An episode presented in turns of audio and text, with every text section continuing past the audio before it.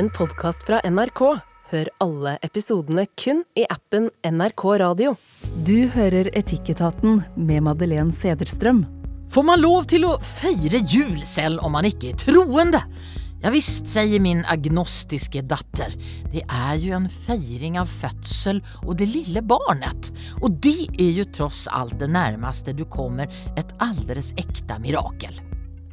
I Etikettaten så skal vi snakke litt om de ulike vinklene av hva man får lov til å gjøre og ikke, og hvorfor, og det der som er rett og galt. Eller kanskje midt imellom. Så velkommen til NRKs kjøkkenbenk, der hovedingrediensene er verdier, filosofi og etikk.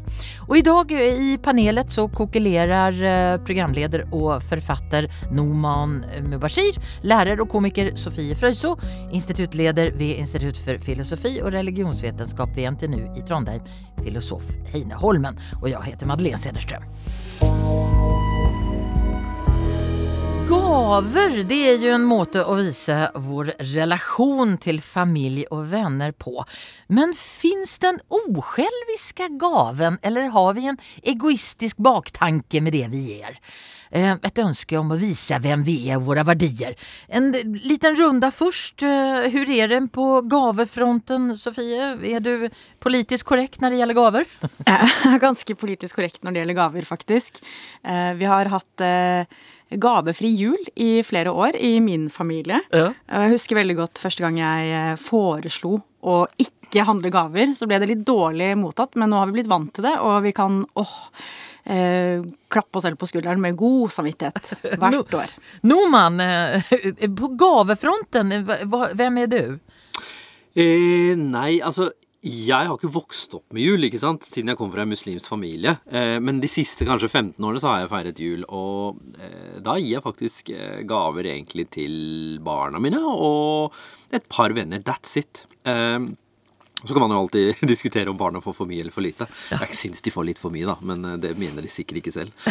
Heine, på gavefronten, er du den som eh, kjøper mye gaver, eller gir du bort sorgen fri? Nei, jeg, jeg tøyler meg dårlig. Jeg, jeg er verken politisk korrekt eller flink til å la være å fråtse i å gi bort gaver. Jeg syns det er veldig gøy å, å gi. Og helt unyttige ting. Jeg gir ofte bort uh, lommelykter. Det tycker jag. Det är, det, folk blir veldig overrasket når, man, når de får en lommelykt. Å, takk, takk, takk, tror jeg, sier de da. Gina har skrevet til etikettaten krøllalfa nrk.no. Jeg ønsker meg verken sokker, lysestaker eller bøker uh, jeg ikke kommer å lese i julegave. Og når jeg ser flommen av gaver under juletreet, så blir jeg helt kvalm. Jeg syns det er tullete å kjøpe venninnegaver og plastikkleker til unger som har flust av samme sort fra før. I dagens samfunn har vi alt det vi trenger, og vel så det. Og derfor har jeg i mange år vært veldig tydelig til både familie og venner om at jeg ønsker meg gaver som går til veldedige formål. F.eks. For bidrag til Leger uten grenser, eller Sorgenfri sitt julehefte. Problemet er at jeg likevel ender opp med å pakke opp de rareste ting på julaften. Jeg forstår at det her er gjort i beste mening, men jeg må bare innrømme at jeg blir litt skuffa over at de ikke respekterer at jeg har andre verdier og syn på konseptet julegaver. Familien min syns dette blir altfor politisk korrekt. På julafton så er det gavene som er en av kveldens høydepunkter. Ja, er Gina altfor politisk korrekt, Sofie?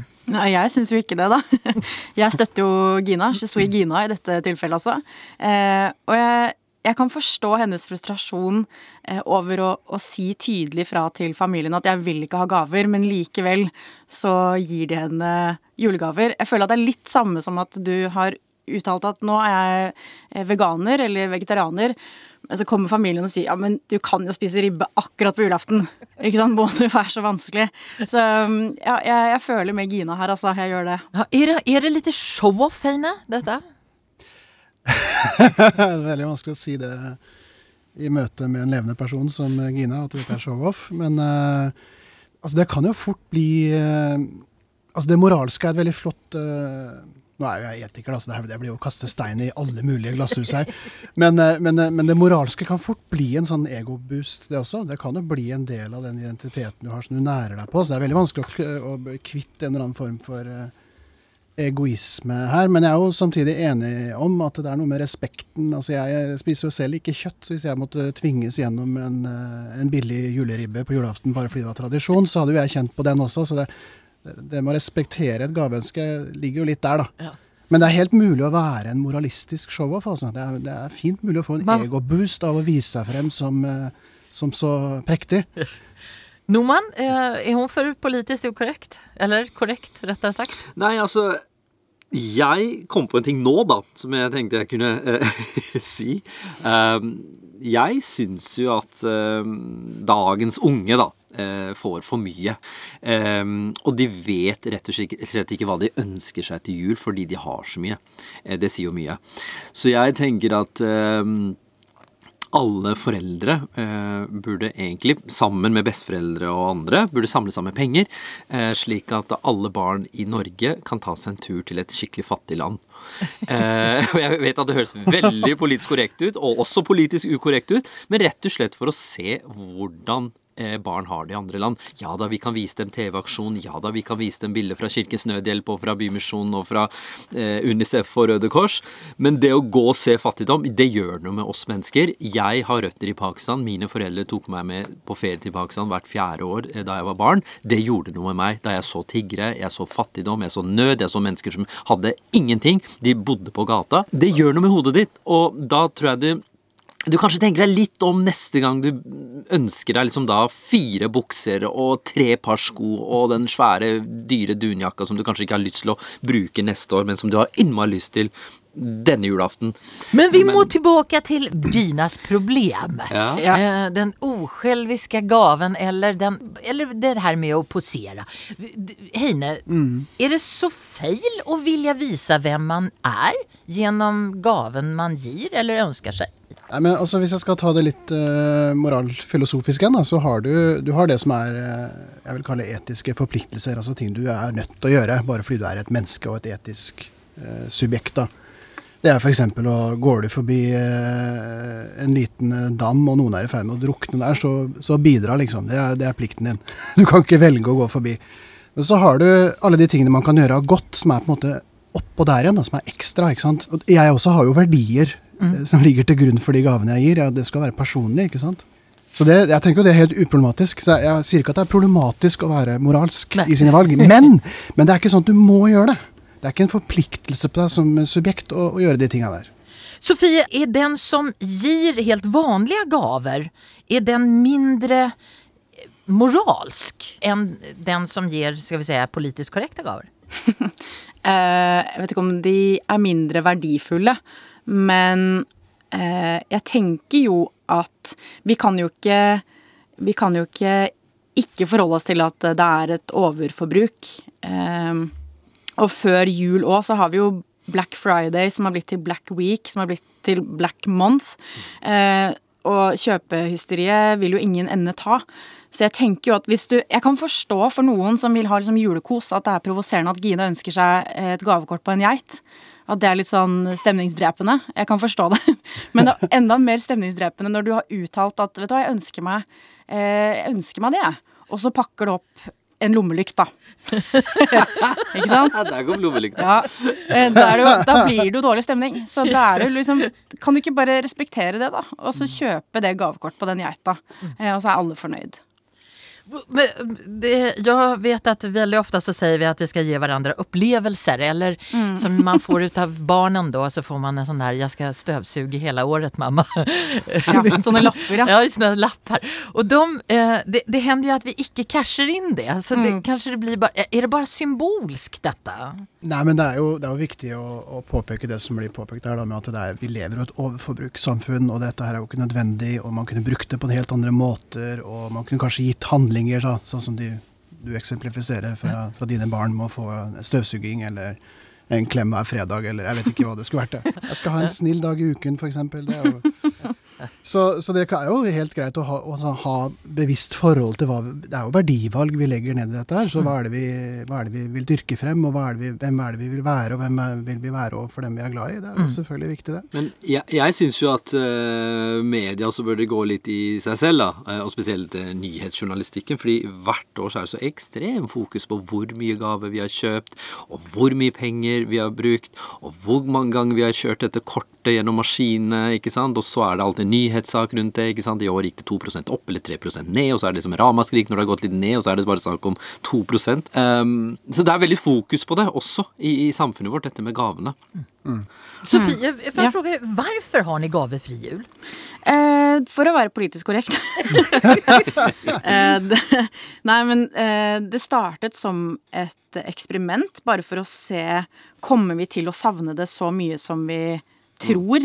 Eh, første året var litt sånn rart. Eh, da klokka eh, tikket seks, så var det sånn Oi, her ville vi jo vanligvis åpnet gaver, men så, så har vi bare blitt vant til det, og det, det har blitt jul, altså. Eh, ja. Men Heine, jag måste bara fråga dig, ligger det inte också i etiken att vi ska respektera givarnas verdier? Hvis hon får den där dunjackan som Sofie snackade om, Ja. eh, ja, och så ville hon ha sorgen fri. Altså, jeg forstår det veldig godt. at Hun har jo hatt klare ønsker her, og så blir det ikke respektert. Og det å sitte og ta imot dårlige gaver, det har vi jo alle erfaring med som har familie. Det, det skjer jo. Jeg syns, jeg syns man må avvikle gaver også for å slippe den eh, spenningen. Den forferdelige forventningen i rommet. Uansett hvor glad du blir, så er det noe med å liksom skulle åpne eh, til alle skue, og så må du eh, putte på et smil og er sånn Å, tusen takk! ja, men er ikke, det er, det er fi, vi blir jo veldig flinke skuespillere av det. da. Ja. Altså, jeg, jeg har jo fått ting som jeg tenkte bare sånn Å, wow, det femte tekanna, eller den åttende Mm. duftlyset. Og så er Å, tusen takk, det var så fint. Mm. Og så tenker jeg sånn inni meg Nei, jeg mente jo det ikke. Så, så det er noe med det, da. At uh, vi blir jo veldig flinke skuespillere ved å, ved å sitte rundt uh, alle disse gavene på julaften. Og det er en verdi. Ja, det er en verdi, det òg. Men är det etiskt korrekt? And the Oscar goes to er det etisk riktig, Teine? Å være vara skuespiller? Ja, vi skal jo. Ja, det må vi være. Det er jo det sosiale limet. Du er jo ikke, ja. kan jo ikke være ærlig hele tiden. Det ville jo vært forferdelig. Ska vi uh, si til Gina uh, at uh, hun er ikke altfor politisk korrekt når hun ønsker seg sorgen fri. Men att hon kanske kan putta på ett litet smil i vart fall. Fast hon, även om hon får en, inte, inte får det på julafton. Ja, det er greit. Ja, ja. Bli, vær litt skuespiller. Ja.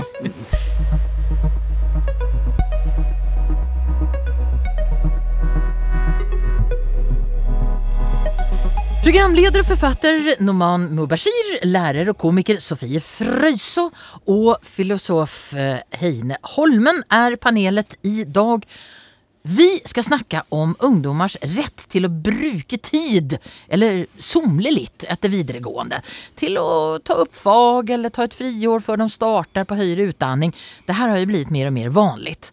Men det kostar samfundet massa pengar för det tar längre tid för dem innan de kommer ut i jobb. Och därför så ser alltså regeringen nu på möjligheterna för att stramma in. Och det gäller först och främst möjligheten för att förbättra karaktärerna för studieupptak. Eh, förslaget är att de här karaktärerna inte längre ska kunna tälla i studieupptaket. Men eh, har inte alla rätt till en ny chans? Ja, jag börjar med deg, Sofie. Hvordan var det for deg å gå fra videregående til høyere utdanning?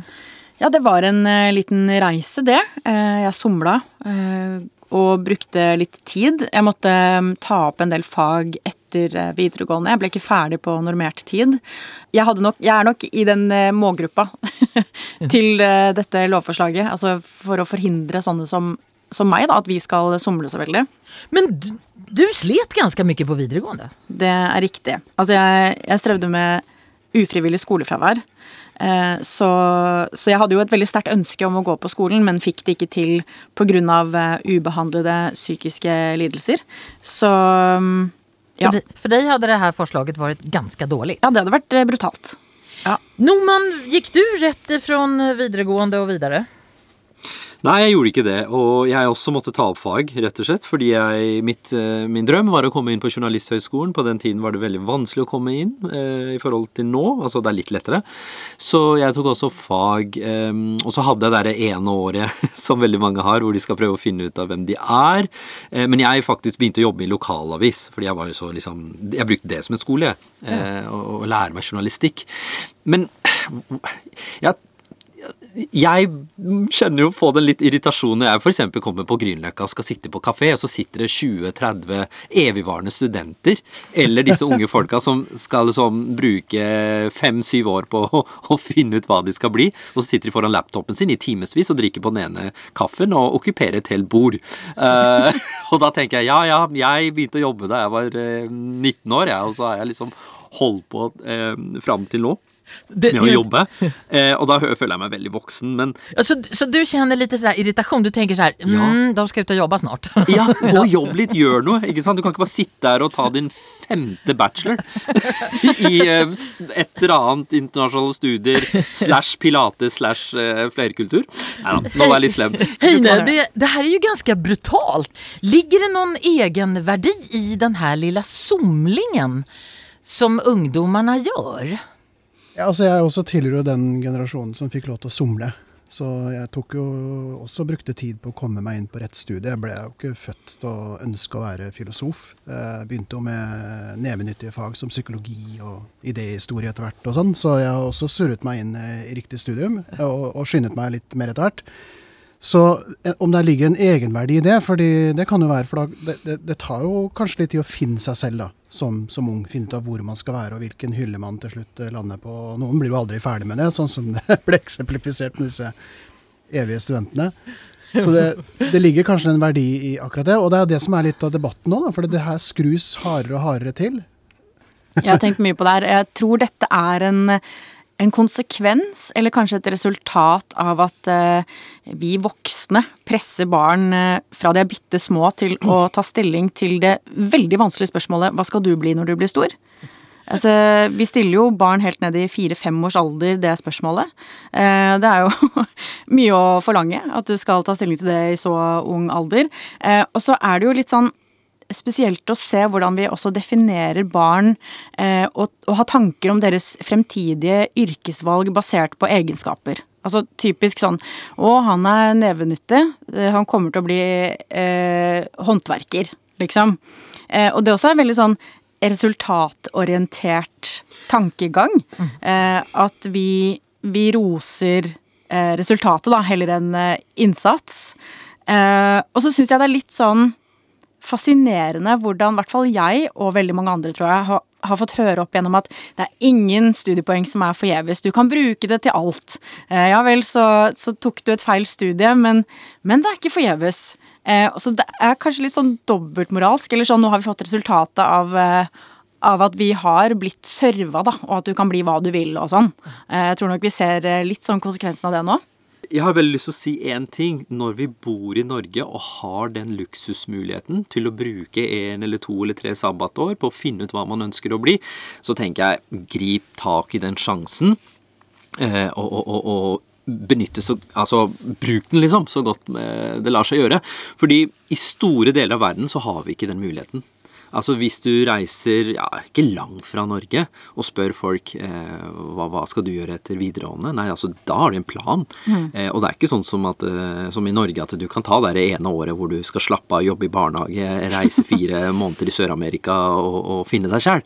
Da er det liksom rett på universitetet, og, og, og så finne deg en jobb etter universitetet og klare deg på den. Fordi veldig store deler av verden så har de ikke den muligheten. Det er mye tøffere kår enn det vi har i Norge.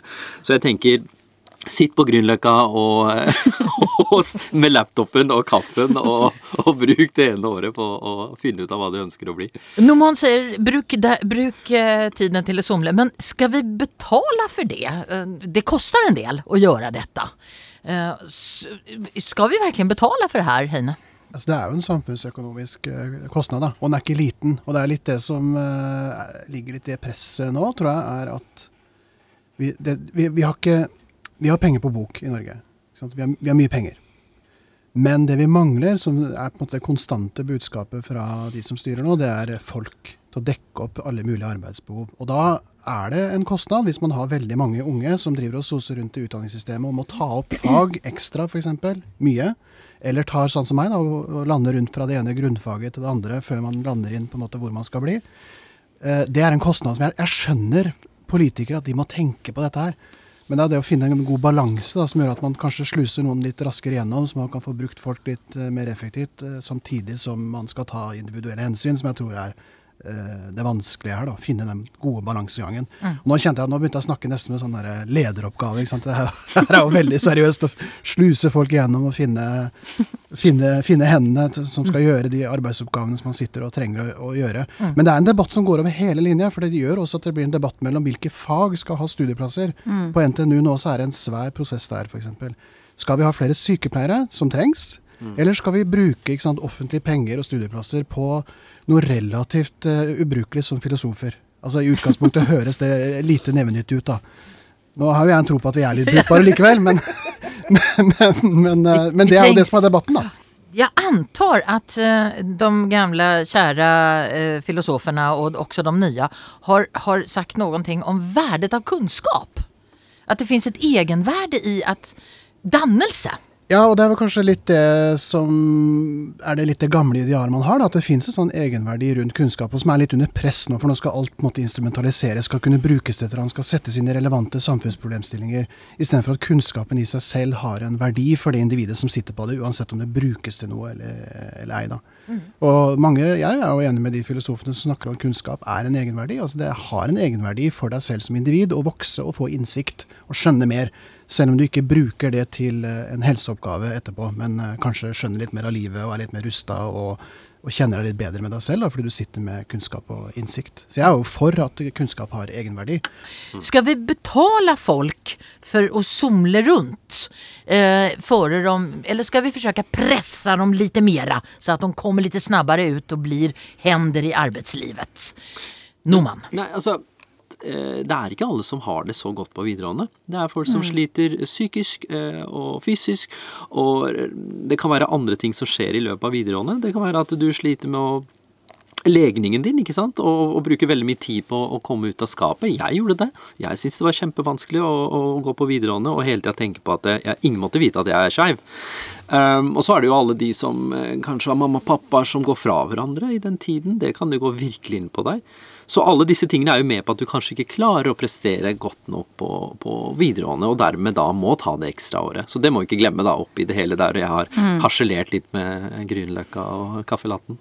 Ja, men jeg tror også at eh, i og med at uh, ufrivillig skolefravær øker, så tror jeg også at det er et symptom på samfunnstendenser og utviklingen med tanke på eh, press. Altså jeg tror dette er en stille protest.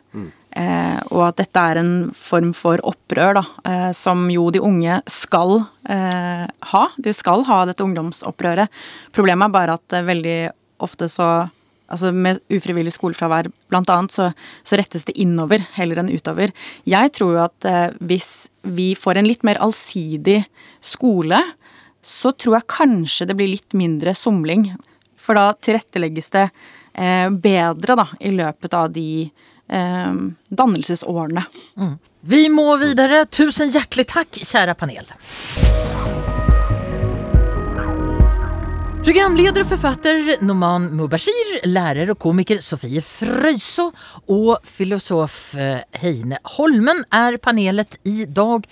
Og si om en person at han er skamlös. Det blir gjerne sett på som en negativ karakteristikk. Den skamløse bryter med regler og normer, handler på tvers av forventningene våre til hvordan vi mennesker skal opptre overfor varandra. Men å være skamfull er ikke bra det heller. For mye skam kan være ødeleggende for oss og gjøre oss handlingslammet. Så hvordan skal vi balansere det å være som passe skamfull eller skamløs? Hva er bra og hva er dårlig med det, og hvor går grensene? Og framfor alt, hvem får lov til å være skamløs?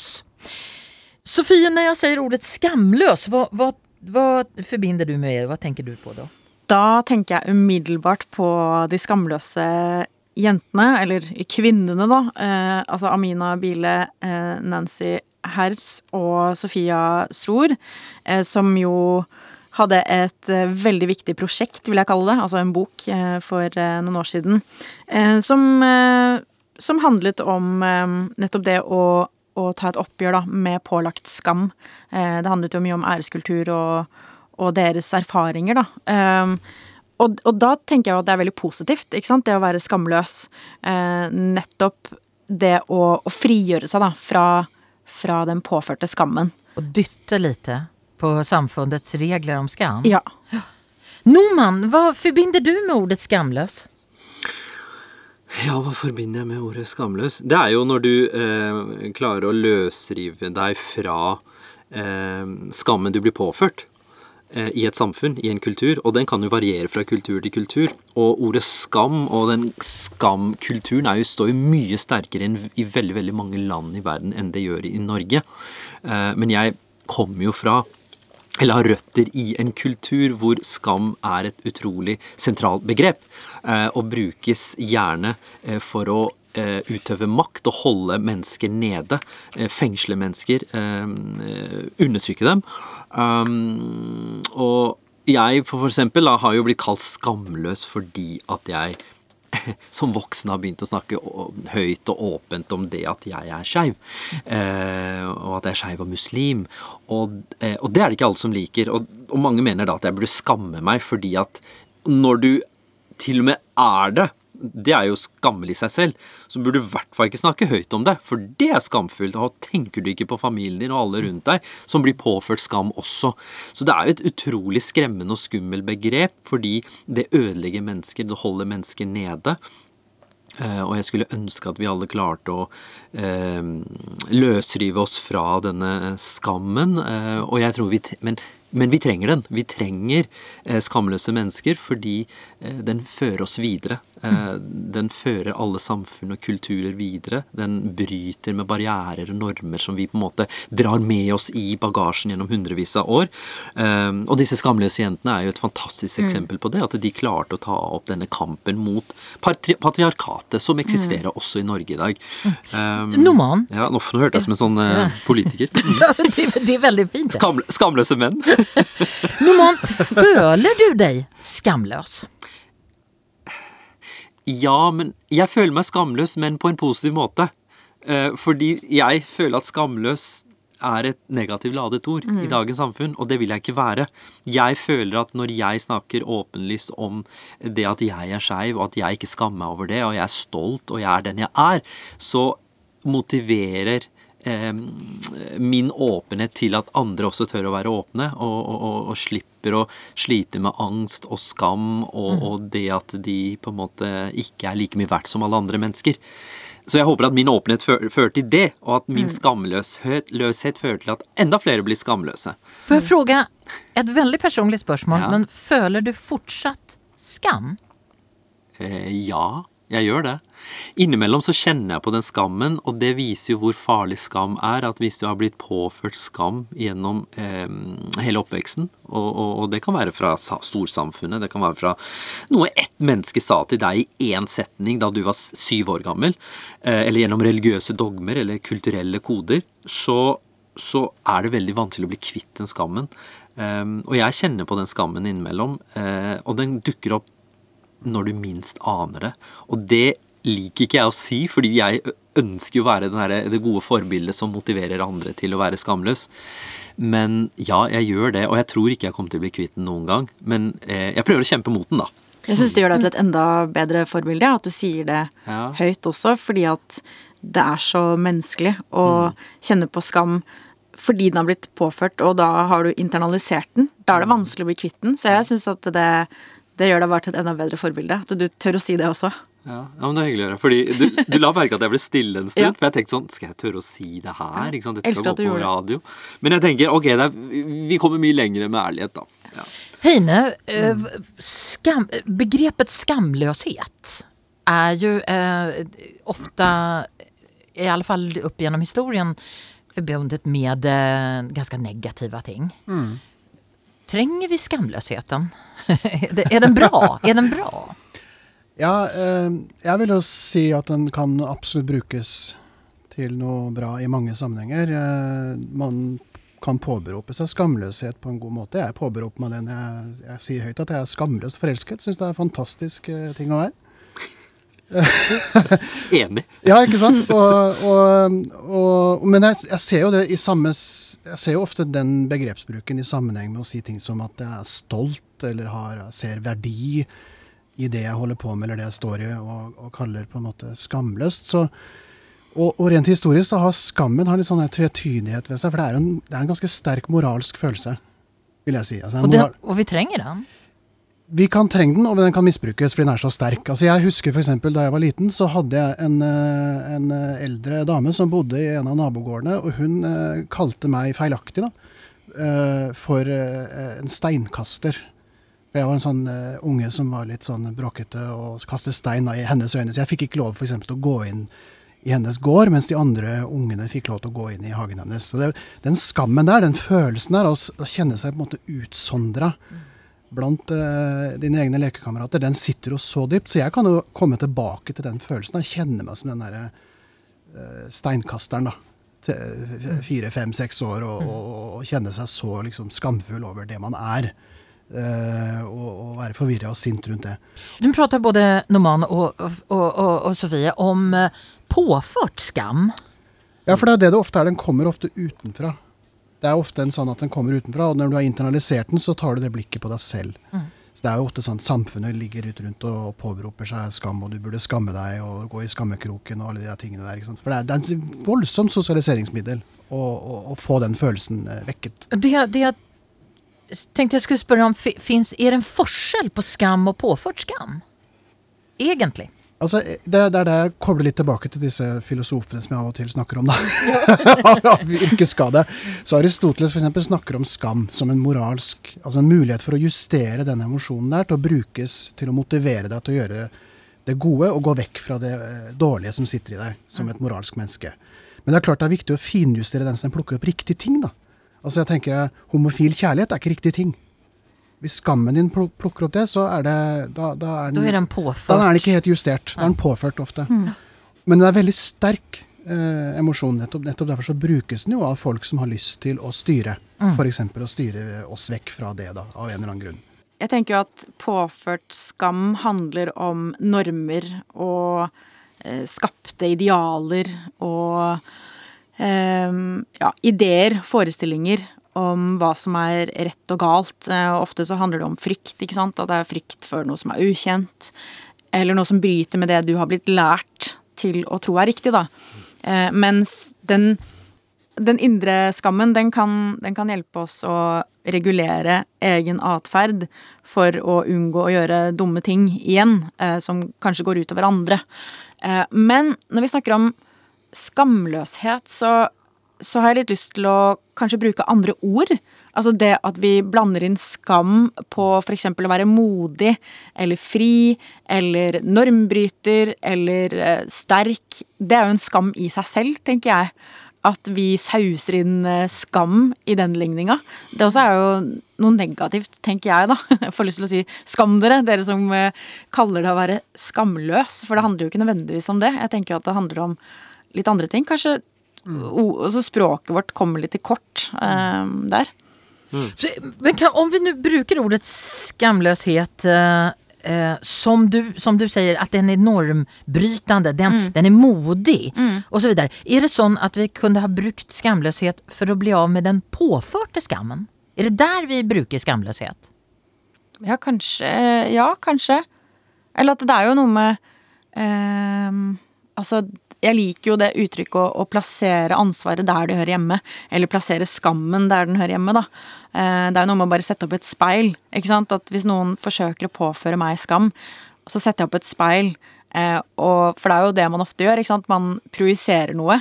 Så det er jo interessant å se Hvorfor forsøker du å påføre meg denne skammen? Den bor nok mest sannsynlig hos deg. Dette er noe du er redd for. Så ja, sånn sett så kanskje vi skal ta det å være skamløs tilbake. Det var jo det disse skamløsjentene forsøkte, vil jeg tro. Um, så kanskje vi må snakke litt mer om det. Skamløshet-begreppet, Heine, kan vi ta det tilbake? Er det litt grann som Sofie sier, at, at vi kanske missbrukar det lite grann därför att det handlar om normbrytande, det handlar om att, men det är mer catchy med ordet skamlös. Altså, altså Språket er en vidunderlig ting. for Du kan bruke det til så mangt. Du kan bruke det til undertrykkelse, men du kan også bruke det til frigjøring. og Det er litt det vi gjør her, da, ved å ta begrepet skamløshet, fylle det med noe positivt, i reaksjon på en sånn skamkultur da, som, holder, som ofte kan bli brukt til å holde folk nede, eller holde igjen på ting som egentlig bare burde vært fritt frem. Eh, men det er klart, man kunne kanskje tenkt at man skulle erstattet det begrepet med med mer positivt ladede ord. Altså Frihet er jo nevnt her. Stolthet tenker jeg er et flott ord. Altså Det å være stolt over å være et menneske med alle de følelsene og tilbøyelighetene som, eh, som vi kan ha og vi kan romme. Og frigjøre det da fra skammens uh, klør. da. Den, eh, den tenker jeg, den, den kan vi jobbe litt med å finne gode, positive begreper. Men, men, men det vi gjør med å bruke skamløshet, det er jo egentlig å leke litt med den historikken med at det har vært en negativitet. Ta det tilbake, gjør det til noe positivt med, med ordet skamløst. Pa, kära panel, finns det ett könsperspektiv för skamlöshet? Sofie, det är frestande att börja med dig. Ja, det vil jeg påstå at det gjør. Eh, Det er jo forskjellige eh, normer. Altså sexisme spiller jo selvfølgelig inn. eh, Og det å bryte med kjønnsroller eh, vil få ulike reaksjoner, da. Så det er klart at det spiller inn, ja. Norman, Mitt inntrykk er nok at eh, skam eh, og skambegrepet brukes oftere i forbindelse med kvinner og kvinnefrigjøring og det å frigjøre seg fra eh, noen som undertrykker deg. Altså, det kom nettopp ut en bok som heter Min skam, med Nadia Ansar. Eh, kona til Abid Raja. Det er så dumt at man må si det ved siden av. Eh, det sier også litt om eh, hvordan vi på en måte ja. Apropos. Ja, apropos. Eh, snakker om kvinner og menn. Men eh, den boka handler jo faktisk om eh, skam. Eh, Og hvor, hvordan hun på en måte har levd under den skammen i så mange år. Gjennom patriarkatet. Så menn kommer seg litt eh, lettere unna der. Det betyr ikke da at menn ikke kjenner på skam. Det er bare at de ikke bruker det begrepet og det ordet. Veldig bra. Tusen hjertelig takk.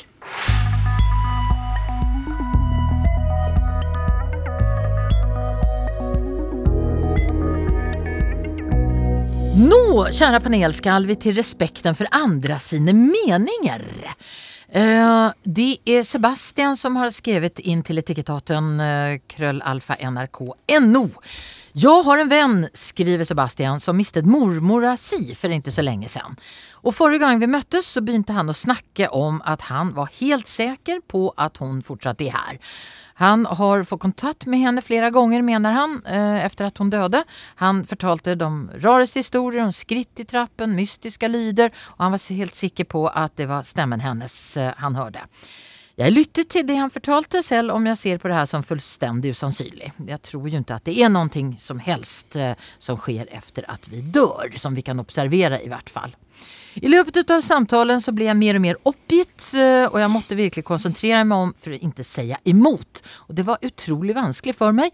Jeg ville ikke moralisere overfor ham, ikke forsøke å dytte mine meninger over på ham. Likevel gikk jeg derifra med en litt dårlig magefølelse. Jeg burde kanskje ha stått tydeligere på mitt ståsted.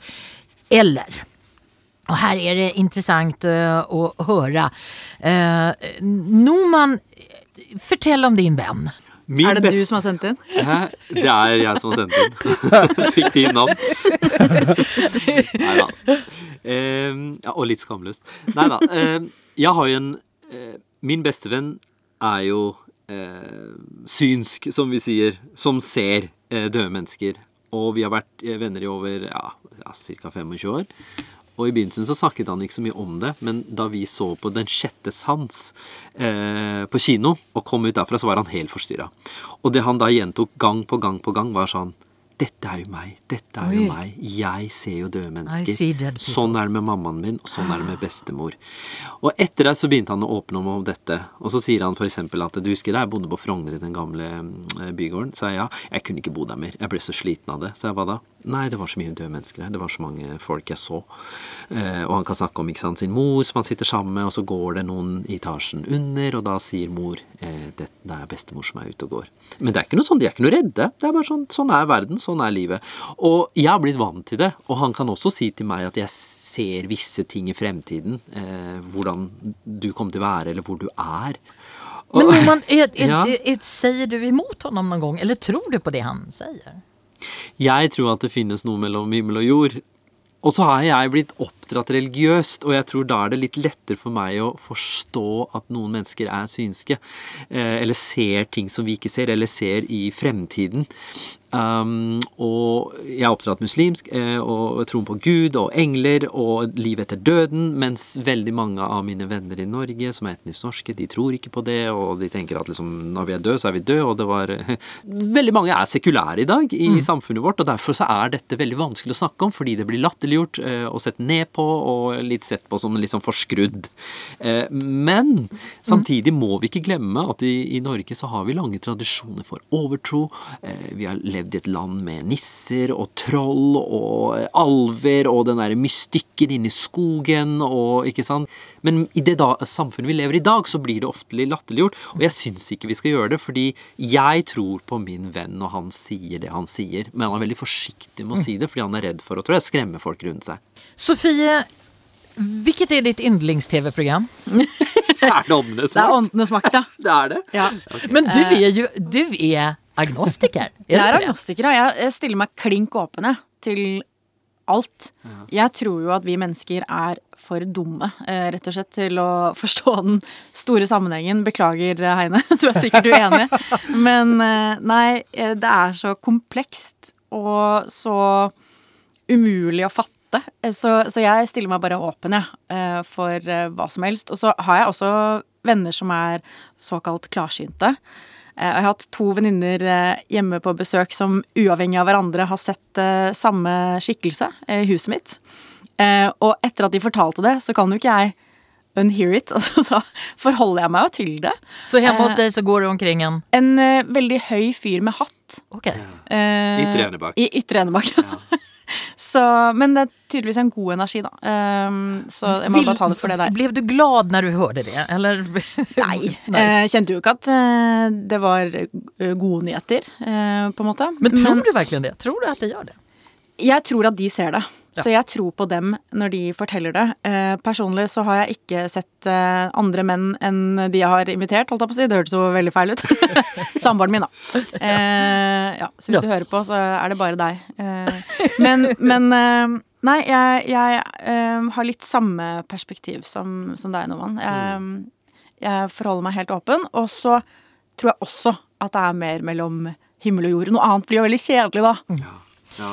Heine, eh, det er litt forskjell her på å respektere at de ser og at tro på det.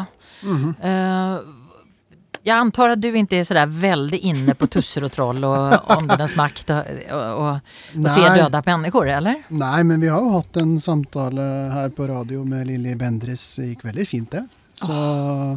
det var en god samtale, det.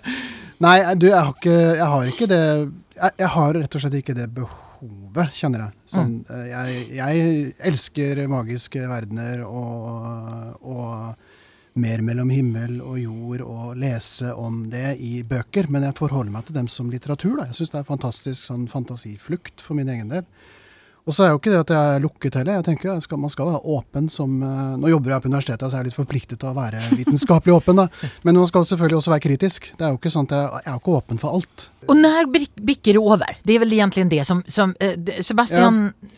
Har han en slags plikt til å fortelle sin venn at han ikke tror på det, han, det Sebastian ser? Altså Her er det litt flere nivåer. ikke sant? Det ene er at du skal ha respekt for personer. Det er jo mye viktigere kanskje enn respekt for uh, Altså Du skal selvfølgelig ha respekt for hva du selv har av oppfatninger også, det, men det viktigste her er å være respektfull overfor en person, kanskje. Uh, så det kan være vel verdt å sitte og lytte ut en person som har mistet bestemoren sin, og, og finne seg i at den personen forteller ting som du selv ikke tror er sant. Men det å respektere andres meninger, i den forstand at du da skal sitte og akseptere dem og si at nei, det der tror jeg også eh, Du får ikke meg til å tro at to pluss to er lik fem. Altså det, du, du, kan vri armen min på ryggen og, og brekke han til, og jeg kan si det høyt, men du får ikke meg til å tro det. Det, det det bare klarer jeg ikke. Men har du en slags plikt til å fortelle at to pluss to er fem, eller at, at, at det fins Jeg tror ikke at du ser en død menneske. Nei, du, du, har egentlig kanskje ikke det, men, men det er klart til en viss grad. altså Det er jo litt avhengig av hvordan man lever ut dette her. da. Du har jo altså det, det, det, her blir jo først kanskje skummelt og farlig hvis man handler veldig på bakgrunn av det. Mm. Hvis det er veldig alternativt eller veldig uh, usannsynlig sant, da. Ja, för Norman och, Ja. och, och, och Sofie, ni- er är ju åpne. Men går det en grense? Jeg kan se for meg at det begynner å bli problematisk eh, den dagen han sier at Nei, men jeg kan ikke bli med fordi mormor sa det og det. Eller at han at det blir sånn eh, Går betraktelig utover livskvaliteten hans, da. Så tenker jeg at du kan si ifra, men, men, eh, men det å, å gå inn og si nei, men det du opplever er feil, det tenker jeg er veldig respektløst. Men Norman, din venn da, yeah. hvis, det, det, hvis de her døde menneskene begynner å legge seg i ditt liv f.eks. exempel. Nei, uff. Det har, han har jo aldri nevnt det, at de døde menneskene på en måte blander seg inn i mitt liv. Jeg skulle gjerne ha sett noen av disse døde menneskene, altså. Jeg, jeg blir så nysgjerrig, og jeg er så nysgjerrig menneske. Og jeg tenker å, så spennende å vite hvem dette hvem, hvem, hvem er de, ikke sant? Men for eksempel, jeg jobber jo på en, en sånn mindre avdeling i NRK som heter NRK Østlandssendingen, som ligger på Torshov. Og det er et gammelt fabrikklokale. Og der mener de at vaktmesteren går rundt. Oi. Ja, Som døde for mange mange år siden. Og han har jeg aldri sett. Men jeg skulle gjerne ha sett han. Men du, kan jeg bare si én ting? Ja. Eh, For noen år siden så var jeg med i et program, En natt på Slottet, tror jeg det het. Eh, ja, og det, der var jeg, husker jeg med, og Geir Kvarme og Katrine Sørland, i hvert fall. Vi dro ut til dette fantastisk flotte eh, sånn slottet, hvor vi da eh, skulle bo på slottet, og møte da disse venninnene til Lilly Bendriss. Oi. Mm, hun svenske som Lena Ranhag. Ja. Og hun så en dame. Jeg skulle male noe, og da sa hun at nå ser jeg da en gammel dame. Og hun beskrev akkurat hvordan hun så ut, og hun sa det kommer til å gå bra med deg. Og jeg ble så forstyrra av det at jeg liksom nesten måtte gå vekk fra opptaket. Eh, Gikk det en grense der for, for hva du kunne akseptere av... Nei, jeg syns jo det var fantastisk. fantastisk. Fordi denne gamle damen hun da snakker om, er jo da min oldemor. Jag ser at Heine må, Heine altså, må si noe Ja, ja, ja. Og, og er bra du ikke sitter her, eh, Heidi, at du er i Trondheim. Eh, Jeg greit hadde vi ikke har blitt avstand. med på natt Nei, eh, med Lilly. natt med Charlotte. Men altså, nå er jo vi inne i altså, Hva skal vi kalle det her? Ikke Etikketaten, men eh, Åndelige etaten. Den åndelige etaten. Men Heine, här eh, beskriver Norman en situasjon der han faktisk får nesten et slags råd fra en død menneske. Det, eller i alle fall en forsikring om at det går bra. Ja. Ja. Og jeg ser hvordan du sler Ja, ja, det- hela deg. Altså, jeg, nå skal ikke jeg tale for eh, andre her, så det er helt fint eh, hvis man fikk noe godt ut av den historien. Men hvis noen hadde kommet til meg og begynt å formidle budskap fra min døde bestemor, så hadde jeg faktisk blitt ganske opprørt, altså. For jeg, jeg tror ikke hun kan eh, komme gjennom eh, den eteren der, og at noen skal på en måte bruke det overfor meg, så tror jeg det ja, Selvfølgelig er jeg jo åpen, som sagt. altså Vitenskapelig åpen. Jeg må sjekke det kritisk osv. Hvis jeg begynner å formidle et eller annet veldig spesifikt som ikke de overhodet kunne vite om min mormor, eksempel, så ville jeg jo måtte lytte litt mer. Men, men jeg også Jeg har en sånn ting i meg som hadde blitt ganske opprørt hvis eh, noen be- benytta seg av det. varför? Hadde du følt det krenkende, eller? Ja, vet du hva, altså, jeg hadde gjort det særlig hvis det går ut over meg. og på en måte pumpe, er jo å pumpe mine emosjoner. Jeg var glad i min bestemor, jeg også. Så hvis noen nå kommer og formidler noe fra de døde, så tenker jeg det skal, da skal du være brennsikker, altså. Før du begynner å, rote deg bort i mitt eh, liv på den måten der. Og det er litt noe med det at det kan gå utover altså Når det på en måte påvirker andre. Det er vel kanskje der grensa går. Tilbake til Sebastian. Det som står litt på spill for honom det er ju eh, om hans ærlighet koster kos- kostar skal han, skal, hva, skal, hva skal Sebastian gjøre? Jeg tenker at livet er veldig kjedelig hvis man skal finne masse venner som er klin lik deg selv, og som mener akkurat samme deg selv. For da, da, da har du de her ganske kjedelige samtalene hver gang du møtes. Så jeg syns det er fint at man er forskjellig og utfordrer hverandre. Eh, Så skal man også vise hverandre respekt, og så må man også vise toleranse. Eh, Så jeg tenker at eh, de bør kunne ha disse samtalene og, være gode venner likevel. Um, og, og, og så må vi bare på en måte Og hvis det blir for mye, så får du bare bestemme deg for å ikke snakke om det, eller ja, avslutte vennskapet. Men så trist det skulle vært at man skulle avslutte vennskapet fordi at eh, den ene mener at han ser bestemoren sin eh, innimellom på kjøkkenet, som er død. Vi må videre. Tusen hjertelig takk, kjære panel.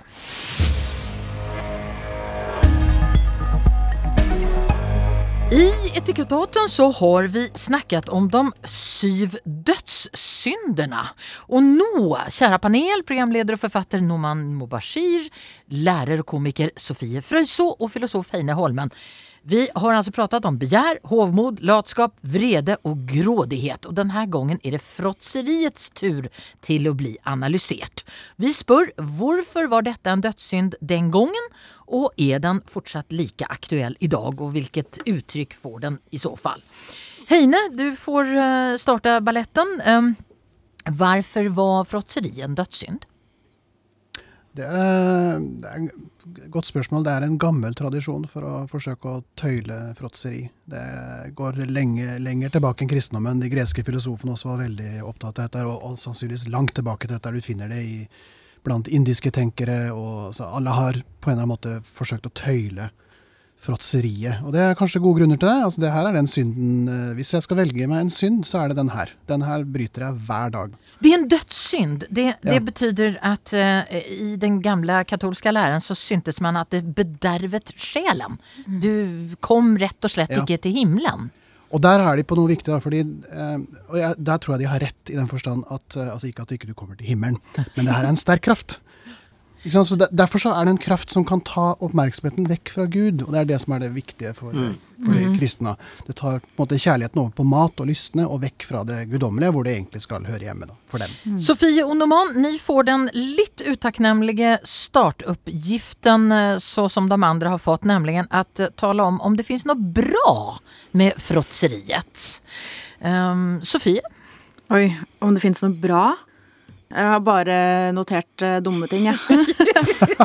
Fordi, altså Ja, altså hvis uh, fråtseri gjør deg ukonsentrert, uh, som da gikk utover troen, ikke sant, før i, før i tida, uh, så er jo det Det er jo sant, det, uansett om du er religiøs eller ei, at når du er stappmett og er i matkoma, så blir man jo veldig lite produktiv. Og sånn sett så kan man jo tenke positivt at eh, hvis du hadde tenkt å gjøre noe dumt, ja, da er det bra at du fråtsa, for da får du ikke gjort det, da får du ikke gjort det likevel.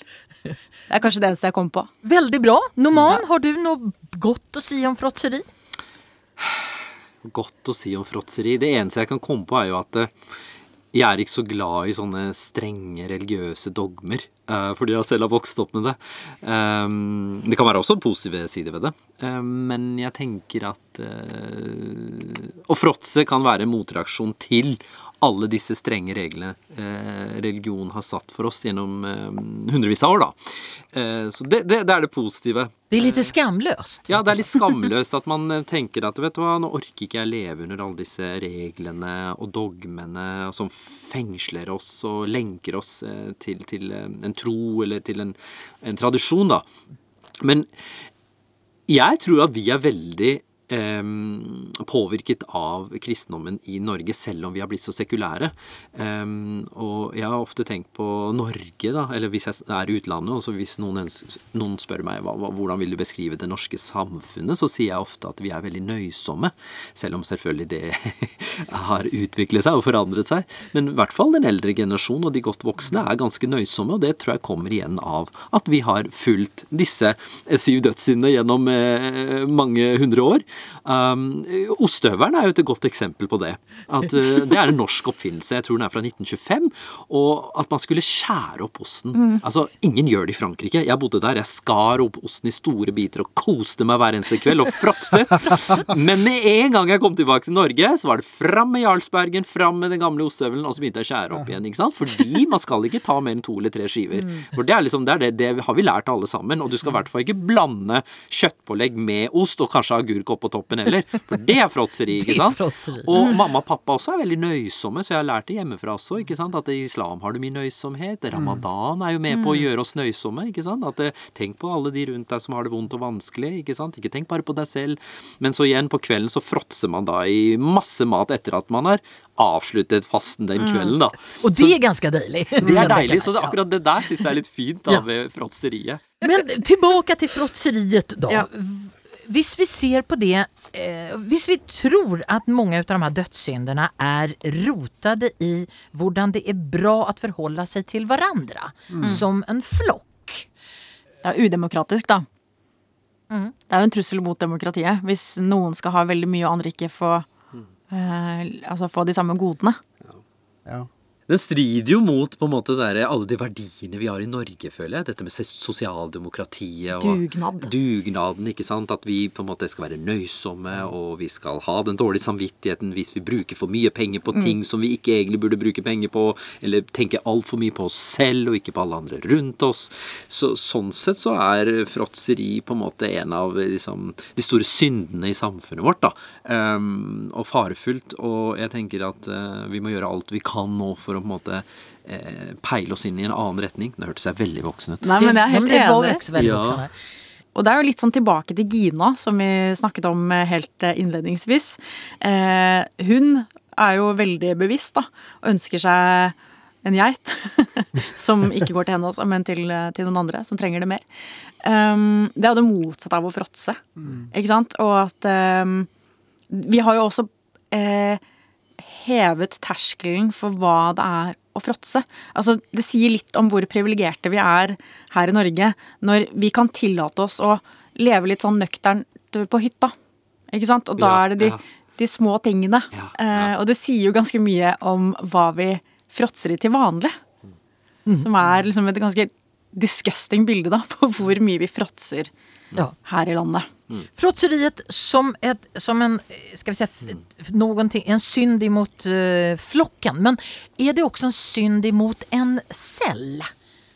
Det som er litt sånn trendy nå, det er jo sånn eh, midlertidig faste eller faste i forskjellige varianter. ikke sant? Og det som er eh, fascinerende med å komme ut av en faste, det er jo at da smaker jo den, den brødskiva med det- den osteskiva det smaker jo helt fantastisk. ikke sant? Fordi det skjer noe med smaksløkene og smaksapparatet hvis du overstimulerer det gjennom fråtseri. Da går kvaliteten ned. Det er en gammel gresk filosof som het Epikur. som eh, han, ble, han var hedonist. Han var opptatt av at livet besto faktisk i nytelse. Men det, det betød ikke at han skulle fråtse. Han, eh, han eh, fant ut at han måtte leve på en sånn måte at selv det der ene glasset med kaldt vann ble liksom en sånn Nytelse? nytelse. Og det, da dreide det seg om å tøyle eh, det behovet, og faste uh, underveis. da. Ja. Sofie, du skal få lov av æren å avslutte dette. Det er, bare, det er så absurd at vi har en trend med å faste. Altså Det er så Ja. veldig sånn Ja, det har blitt det. Har blitt det. Ja. Men selvfølgelig, hvis du får alt du peker på, så er jo Da er jo ikke det du peker på, like stas lenger. Eh, jeg sverger til lørdagsgodt, ja, sånn som jeg gjorde da jeg var liten. Og da er det jo ekstra hyggelig når lørdagen kommer, hvor man faktisk får lov til å fråtse, da.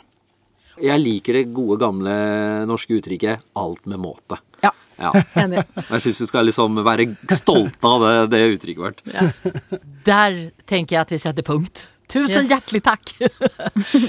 Då stänger vi dörren till NRKs lilla etiska köken för denna gången och hoppas att det smakte gott. Och de som har kokulerat i panelet idag det är programledare och författare Noman Mubashir, lärare og komiker Sofie Frøyso, institutleder ved Institut for filosofi og religionsvetenskap ved NTNU i Trondheim, filosof Heine Holmen. Og hvis du har tanker eller kommentarer eh, til det vi har snakket om så send oss gjerne en mail til etikettaten nrk.no. Og på appen NRK Radio ligger både Etikettaten og mange andre program som kanskje kan falle i smak. De som lagar Etikettaten heter Hege Strømsnes, Sigrid Gjelland og jeg heter Madeleine Cederström.